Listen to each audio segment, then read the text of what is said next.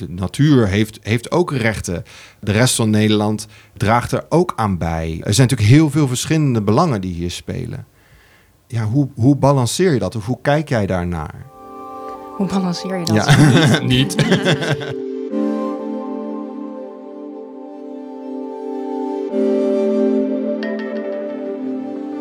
Je luistert naar Voer voor Verandering. In deze podcast gaat Wouter Mulders samen met collega's een aantal experts aan de tand voeden over de praktijk van transities. Want door transities naar duurzaamheid en rechtvaardigheid te begrijpen, kunnen we ze ook versnellen. Althans, dat hopen we. Welkom bij de vierde aflevering van het derde seizoen van Voer voor Verandering. Ik ben zoals altijd Wouter Mulders en we zijn in de podcaststudio van eh, Erasmus Universiteit Rotterdam. We hebben een speciale gast vandaag en die is vanuit Overijssel helemaal naar Rotterdam gekomen met de trein. Daar zijn we heel erg blij mee. En ik heb natuurlijk weer een co-host meegenomen. Dat is Anneli Jansen. Anneli, wil jij misschien even voorstellen? Ja, ik werk als uh, onderzoeker en adviseur bij Drift. Vooral aan transities in landbouw, voedsel, water. En daarin ben ik altijd op zoek eigenlijk naar de sociale vraagstukken rondom rechtvaardigheid, co-creatie, identiteit. Vandaag heb ik Renske Graafland gevraagd om uh, mee te doen. Renske is uh, projectleider en gebiedsregisseur West-Twente bij provincie Overijssel. Ja, en de provincie die zit nu eigenlijk in het oog van de transitie van het landelijk gebied. Ze hebben opdracht gekregen van het Rijk om uh, stikstof te reduceren, om daar een plan voor te maken. Als ik het goed heb, is dat twee dagen geleden was de, jullie deadline om Mhm. daar de plannen voor in te dienen. Als Dus we het is, deze... ja. Dus dat is uh, super actueel. En in de samenwerking met jullie, wat ik inspirerend vond, is dat jullie vanaf het begin veel breder nadenken over die transitie. Het gaat niet alleen over stikstof, jullie gaan ook over leefbaarheid op het platteland, toekomstige economie, allerlei andere milieu-issues rondom landbouw. Dus het leek me heel leuk en interessant om uh, van jou te horen over rechtvaardigheid. Top, dankjewel dat ik hier mag zijn. Ja, fijn dat je er bent. Ik wil eigenlijk van jou weten, Renske, wanneer realiseerde je dat jouw werk eigenlijk aan rechtvaardigheid raakte? Dat het iets met rechtvaardigheid te maken had? Nou, niet omdat iemand die term uh, ooit gebruikt, want dat doen we eigenlijk helemaal niet. Oh, okay. Maar we hebben het wel heel erg over dat het niet eerlijk voelt en het onrechtvaardig voelt. Mhm. Mm -hmm. Dus nog niet zoveel over hoe maak je nou een rechtvaardige aanpak of hoe werk je op een manier samen zodat je tot iets rechtvaardigs komt. Maar wat ik wel ontzettend veel hoor is hoe oneerlijk en onrechtvaardig het is wat er gebeurt in het ja. landelijk gebied. Ja, dus uh, het woord rechtvaardig gebruik ik niet per se, maar het gaat wel over onrecht en dat het oneerlijk ja. is. En voor wie is het dan oneerlijk? Of eigenlijk ben ik dan ook benieuwd, wat doe je dan als gebiedsregisseur? Met wie werk je? Met wie heb je die gesprekken? Ja, ik zeg altijd, ik werk samen met iedereen die het iets aangaat. Mhm. Mm -hmm. Dus alle partijen die uh, in eerste instantie uh, was dat geraakt worden door stikstof. En nou, er is intussen veel meer bijgekomen. We kijken veel breder naar het landelijk gebied. Maar iedereen die daardoor geraakt wordt, dus die ermee te maken heeft. En daar is één groep die ik ook wel eens de gedupeerde noem in deze situatie. Dat is de groep boeren. Ja. En daar gaat het heel vaak over wat niet rechtvaardig is hierin. Ja. Heb je bepaalde voorbeelden van hoe je rechtvaardig of eerlijk, zoals jij het noemt, of in die gesprekken, hebt geopereerd in de landbouwtransitie met collega's? Ook als het pijn doet, zeg maar? Heb je, heb je een bepaald voorbeeld wat, je, wat bij je opkomt? Oh, sowieso niet om de uh, hete brei uh, heen draaien. Hmm. Dus ook al sta je zeg maar voor een groep uh, in een zaal, voor een groep boeren, om toe te lichten wat het huidige beleid van de overheid is. En als er dan een vraag komt waarvan je weet, ja, het antwoord hierop is nee, maar het is echt super pijnlijk, Mhm. mm -hmm. dan zeg ik het. Ja. En niet soort van in mooie, wollige ambtenarentaal daar een heel politiek correct antwoord op geven, maar gewoon eerlijk. Dit is wat ik zie. En ik denk dat het zo beweegt en uitleggen waarom, dat is best wel heel moeilijk. Want hoe wordt daarop gereageerd? Nou, veel beter dan ik eerst wel eens had gedacht. Want dan denk je, ja, ik doe mijn sneakers aan, want dan kan ik snel weer weg. Maar Mm. dat, dat hoeft helemaal niet. Want uh, bijna iedereen waardeert eerlijkheid. En een stukje realisme. Je had het eerder over diepere oorzaken, zeg maar. Van dat onrechtvaardige gevoel, dat oneerlijke gevoel. Uh, hoe proberen jullie daaraan tegemoet te komen als overheid? Nou, ik zat, uh, toevallig zat ik daarover na te denken op uh, de heenweg hier naartoe in de trein. Want ik denk dat dat deels te maken heeft met die, uh, de X-curve, waar ik uh, via jullie van uh, over geleerd heb, van uh, transities. Waarbij één zo'n lijn uh, naar beneden gaat, afbouwen, en één gaat meer omhoog, opbouwen. En ik denk wat we heel erg doen, is uh, focussen op afbouwen. Hè, minder Ja. boeren, minder koeien, minder, minder hoe stoppen. En daar zijn soms ook dingen op georganiseerd. Niet altijd even goed, maar ze, dus ze komen wel. Stoppersregelingen, dat soort zaken. Uitkopen. Ja. Ja. Wat we veel minder hebben georganiseerd, vooral in het hoe, is opbouw. En dat heeft alles te maken met het gevoel van dat het onrechtvaardig is. Want als je niet nadenkt over wat dan wel, dan voelt het heel oneerlijk wat er gebeurt. En ik denk dat we daar vooral heel erg in tekort schieten. Dat we zo gefocust zijn op wat moet er minder om maar tot een betere natuur te komen of tot minder stikstof te komen. En veel minder nadenken over wat dan wel en vooral hoe. Mhm. Nou, dat zorgt voor een heel gefrustreerde situatie bij heel veel mensen. Maar is dat misschien ook omdat we de, de signalen van, van wat dan wel en hoe... Want, je noemde net eh, die X-curve, dus de ene lijn gaat naar beneden, de lijn van het regime. De andere lijn gaat omhoog en dat is de lijn van de niche. Dus dat zijn nieuwe manieren van denken, doen en organiseren. Rondom eh, landbouw, maar ook rondom ruimteontwikkelingen, ruimtelijke ontwikkeling... zijn natuurlijk al wel laten we 20, 30 jaar heel veel kleine nieuwe vormen ontstaan van landbouw... die het helemaal anders doet.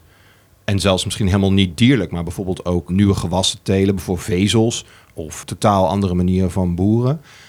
Net zei je, we doen te weinig aan het toekomstperspectief. Maar wie zijn dan die we die het te weinig doen? Want volgens mij doen er wel heel veel andere mensen aan dat toekomstperspectief, maar dat sluit niet aan of zo. Of dat, dat, er zit dan... Ja, het gaat sowieso veel te weinig samen, Mhm. denk ik. Ja. Dus, dus we, de overheid, weet dat niet goed genoeg te faciliteren... waar dat, waar dat zeg maar niet helemaal vanzelf van de grond komt. Mhm.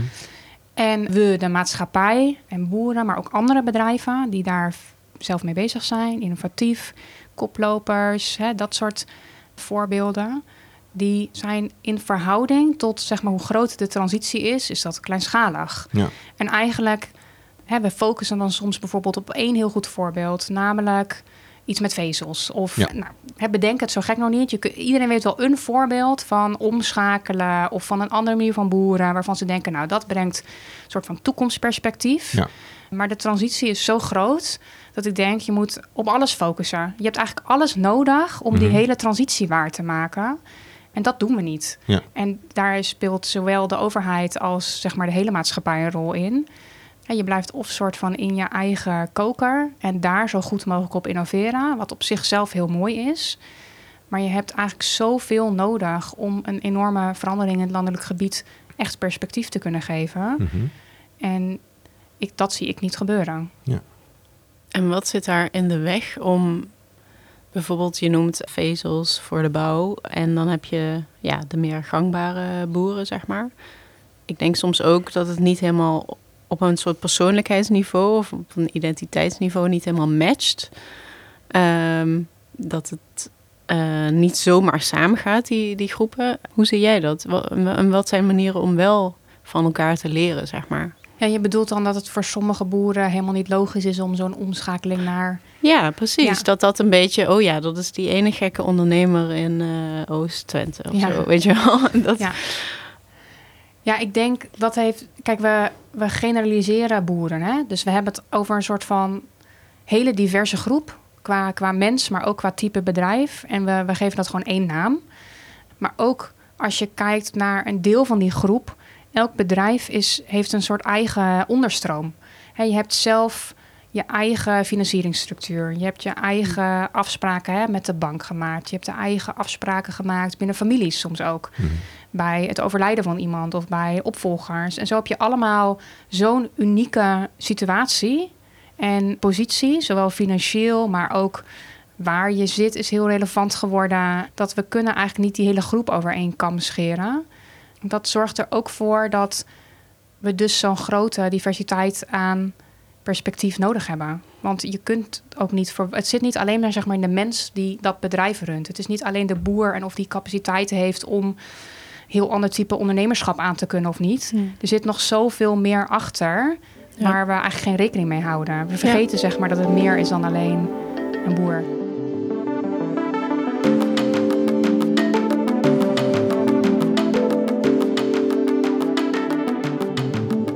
Renske, ik hoorde je net zeggen, het ligt niet alleen aan de, de persoon die een bedrijf heeft. Het ligt ook aan de financiële situatie van dat bedrijf, de, de, de logica van dat bedrijf, de afspraken die er in de familie zijn gemaakt bijvoorbeeld.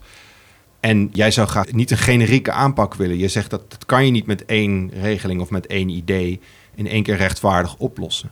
Maar wat ik dan denk is, maar dat is natuurlijk niet het, het, het enige belang. Dat is natuurlijk niet het enige wat in Nederland waar we kijken naar wat eerlijk is. De, de natuur heeft, heeft ook rechten. De rest van Nederland draagt er ook aan bij. Er zijn natuurlijk heel veel verschillende belangen die hier spelen. Ja, hoe, hoe balanceer je dat? Of hoe kijk jij daarnaar?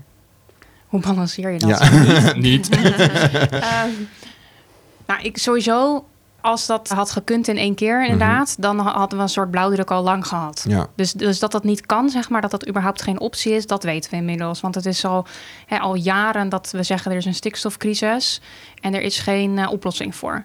Dus we weten dat het niet gewoon in één keer generiek opgelost kan worden, want dan hadden we dat gedaan. Ja, we weten ook dat het pijn gaat doen. Ergens. Dat weten we ook, want we schuiven het zeg maar steeds voor ons uit, hè, zolang dat eh, lukt juridisch. Dus we weten dat er geen kant-en-klare oplossing is en dat het dus moet zitten in iets veel specifieker. En ik geloof dus inderdaad dat dat heel erg te maken heeft met dat er gewoon ook geen algemene boer, die is er niet. Hè, Mhm. Er is niet een soort van gemiddelde boer zoals je een gemiddelde Nederlander hebt, dat bestaat niet. Dus je zult een veel specifiekere oplossing moeten krijgen. Maar dat betekent niet dat je voor elke boer een helemaal individualistische aanpak nu al moet weten. Ja. Want er zijn wel groepen boeren die in heel vergelijkbare situaties zitten. Dus je kunt denk ik wel al veel meer met een soort van brokstukken van Ja. oplossingen toewerken naar nou, uitwegen voor mensen om door deze transitie heen te komen. Dus een hele specifieke aanpak hoeft niet te betekenen dat je overheidsbeleid hebt wat op de individu geschreven is. Mhm.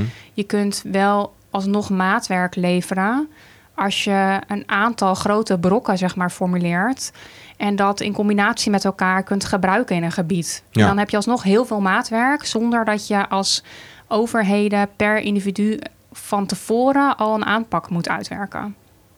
Ja. En je had het ook over verschillende stemmen, verschillende belangen. Hebben we eigenlijk wel tijd om naar al die stemmen te luisteren? Is de transitie niet zo groot en zo urgent dat we gewoon door moeten? Nou, ik denk dus dat we dat veel te vaak denken. Dat we al heel erg meteen doorgaan naar we moeten dit oplossen. En dus gaan we in ieder geval in gesprek met de mensen die een heel groot belang hebben. Want, want die kun je soort van niet overslaan. Hè, dat voelt iedereen dan aan. En dan gaan we zo snel mogelijk toe naar hoe lossen we het dan op. Maar daarmee lossen we het niet op. Want daar zijn we niet. We hebben meer tijd zeg maar, dan we denken. We gaan in een soort van paniekvoetbalstand. Want we moeten uit deze crisis.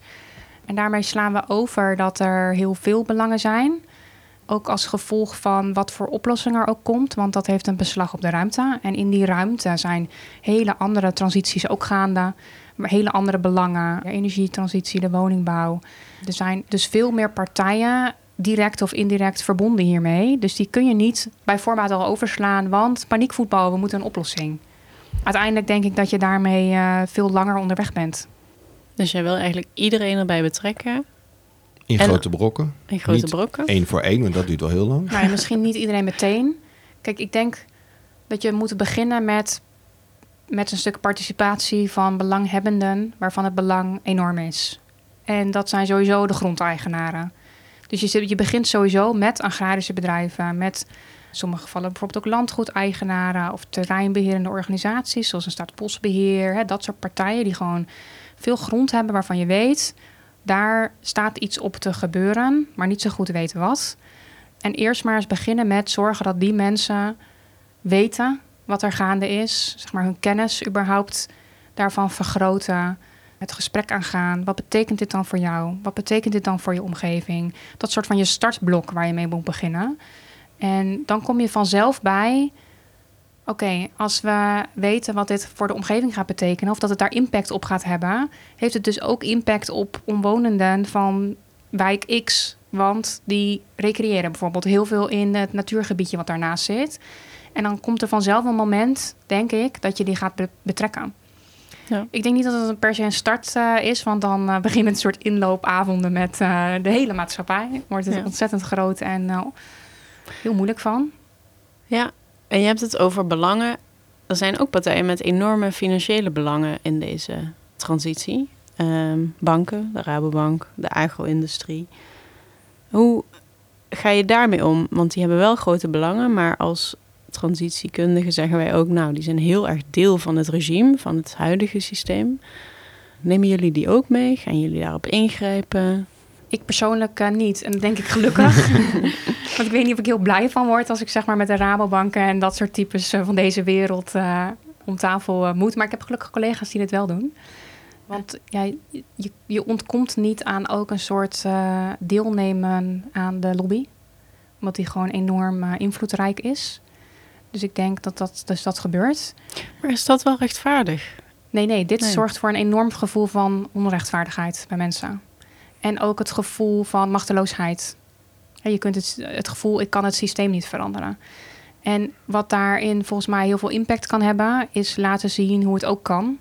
Dus om de goede voorbeelden en de goede samenwerkingen en de uh, goede wil van mensen, om dat goed te laten zien. En dat verhaal ook te vertellen.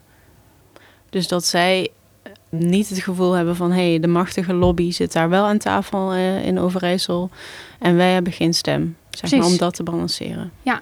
ja, en als je mensen de gelegenheid geeft, het podium geeft om dat te kunnen doen, dat helpt denk ik wel in dat gevoel van onrechtvaardigheid een stukje bij te sturen of een beetje nou, wat meer invulling aan te geven. Kun jij ons, kun jij een klein beetje het podium pakken misschien en een van die verhalen die je misschien zelf hebt gehoord vertellen over iemand die in dat grotere systeem heeft laten zien of aan de slag is met ik ben niet machteloos, ik kan iets uh, veranderen of ik kan daaraan bijdragen. Oh ja, dan geef ik het beste voorbeeld uit West-Twente. Okay. uh, er is een uh, groep boeren bij Marklo. Voor de niet bekende in Twente, dat is dus een plaatje in Twente. Mm -hmm. En zij hebben al jaren voor we eigenlijk als overheden bezig waren met... oh help, we zitten in een stikstofcrisis, hebben zij al bedacht... we zitten in een transitie, de wereld om ons heen verandert. Wat moeten wij eigenlijk doen om daar nou, onze plek in te behouden of te nemen? Hoe ziet onze toekomst eruit? En uh, een van die boeren in die omgeving dacht... ja, ik, ik ken eigenlijk gewoon mijn buren... Ik weet heel veel van mijn buren. En waarom doe ik dit alleen? Ik moet dit met mijn buren samen gaan doen. En zo is eigenlijk een groep ontstaan die nadacht... hoe gaan wij vormgeven aan het agrarische leven hier, mm -hmm. in deze buurt. En je ziet dat zij nu dus, omdat ze toen al begonnen zijn met... wat kunnen we eigenlijk doen... dat ze heel goed in staat zijn geweest om daar ook inhoud aan te geven. Dus zij zijn, hebben veel meer nagedacht aan die andere kant van die X-curve. Namelijk die lijn omhoog hoe kunnen wij zeg maar iets opbouwen hier? Hoe kunnen wij zeg maar bestendig zijn met elkaar hier? En ik denk dat dat dus een heel goed voorbeeld is van, nou ja, je, zelf je eigen positie beter in beeld brengen. Ja. Die hem daar een plek aan geven. Uh, kansen pakken als ze voorbij komen. Ja, en hoe, hoe heet die groep? En, en wat, wat doen ze dan? Of wat voor uh, activiteiten hebben ze dan toegevoegd? Oh, zij noemen zichzelf uh, Duurzaam Initiatief Marklo Noord. En ze hebben al tijden geleden zijn ze begonnen met veel kleinschalige initiatieven. Mm -hmm. He, dus, dus bijvoorbeeld een andere teelt uitproberen of kruidenrijk grasland inzaaien of nou, allerlei kleinere activiteiten die ook door het hele land al wel een beetje ontplooid zijn op verschillende plekken. Hè? Maar daar waren zij dan best wel vroeg bij. En inmiddels hebben ze eigenlijk gewoon een heel breed plan gemaakt met elkaar. Dus samen in beeld gebracht van nou, wie van ons gaat hier nog heel lang blijven? Ja. Wie van ons uh, gaat misschien wel stoppen, heeft geen opvolger? Wat betekent dat dan voor de rest van die boeren? Kunnen zij dan hierdoor en intussen ook uh, de doelen die er vanuit de overheid zijn op het gebied van stikstof en, uh, en water en natuur, kunnen ze die dan behalen met elkaar? En kan er op die manier een toekomst zijn voor de boeren in onze gemeenschap die willen blijven boeren? Ja. En dit is dus eigenlijk een koploper. Eerder zei je, uh, je wil het met zo'n groot mogelijke groep doen en niet alleen maar focussen op die ene koploper die het al, ja, die het op een hele bijzondere manier heel raar doet. Ken je voorbeelden van de middengroep die ook zoiets probeert? Waar lopen die dan tegenaan? Ja, ik denk wat voor de middengroep veel complexer is, is hoe kun je in deze tijd, waarin er gewoon een hele gepolariseerde samenleving is ontstaan, hoe kun je dan met elkaar zeggen, we gaan dit toch doen? Mm-hmm. Want dan ben je toch een beetje mee aan het gaan in wat de overheid van je vraagt. Mm-hmm. En dat op zichzelf is al heel moeilijk om te zeggen met elkaar. Want nou ja, als Kies je je de kant of dan, dan, dan ja, je verlaat kiest een soort je. van een kant Ja. en, en je krijgt ook wel een, eh, een oordeel van, van anderen in je gemeenschap, zeg maar, over je heen. Dus, dus een soort van met elkaar besluiten, dit willen we. Of een stukje draagvlak samen, we gaan het samen doen. Dat op zichzelf is al super complex Hmm. tegenwoordig. Omdat we zo enorm gepolariseerd zijn ge- gaan praten met elkaar hierover. En jij zegt zelf eigenlijk een, een manier om uit die polarisatie te komen is door mensen heel individueel te benaderen, zeg maar. Iedereen is anders. Als je dat eh, aan je collega's vertelt binnen de provincie, tegen welke barrières loop je dan op? Even aannemende dat er barrières zijn. Misschien is iedereen er wel mee eens en kan je daar heel makkelijk beleid op maken. Maar ik kan me voorstellen dat dat best een uitdaging is. Kun je het nog een keer stellen? Nou, dat, je had het eerder echt over zo van... oké, elk bedrijf is anders. We moeten individuele... nou, misschien niet individuele regelingen... maar wel contextspecifieke regelingen maken. Maar beleid is vaak heel generiek. Zien andere collega's daar ook mogelijkheden... om dat wat flexibel aan te pakken? Oh ja, dit is echt, eh, ik denk, een van de grootste uitdagingen van werken bij een overheid. Want we, we zitten gewoon in een soort eh, systeemwereld vast. En eh, het is echt verschrikkelijk moeilijk om daaruit te komen. Ja. Want hè, je kunt, ik, heb, ik heb zeker, laat ik dat zeggen. Ik heb zeker collega's die dit niet alleen willen, maar er ook echt keihard aan werken. Dus ik heb echt wel collega's waarvan ik merk, oké, we willen echt met elkaar het juiste doen voor mensen in onze maatschappij. Dat is denk ik ook niet gek, hè, want ik werk bij een overheid met allemaal soort van veredelde ondersteuners van onze maatschappij. Dus heel veel mensen werken met drie, die drijfveer daar.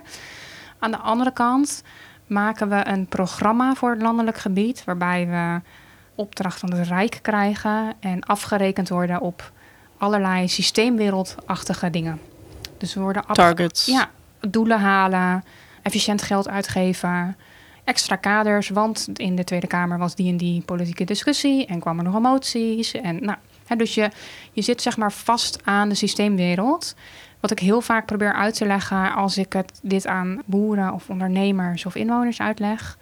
Zeg ik, ik, ik werk eigenlijk aan twee eh, werelden, twee sporen. Mhm. Aan de ene kant doe ik eh, wat nodig is binnen mijn organisatie en richting het Rijk. En zeg maar wat eh, de meeste mensen als bureaucratisch eh, gedoe eh, omschrijven. Daar werk ik aan.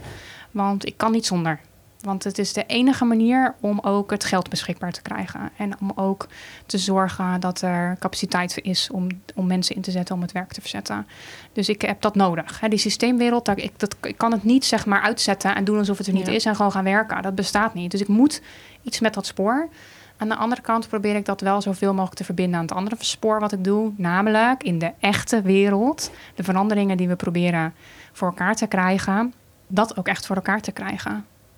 Dus het is een beetje, ja, een beetje twee sporenwerk voor Ja. mijn gevoel. Ja, Je bent eigenlijk dus een beetje de grenswerker tussen die twee werelden. Zo voelt het wel. Ja, interessant dat je dat zegt, want dat, Ja. daar begon ons seizoen eigenlijk mee.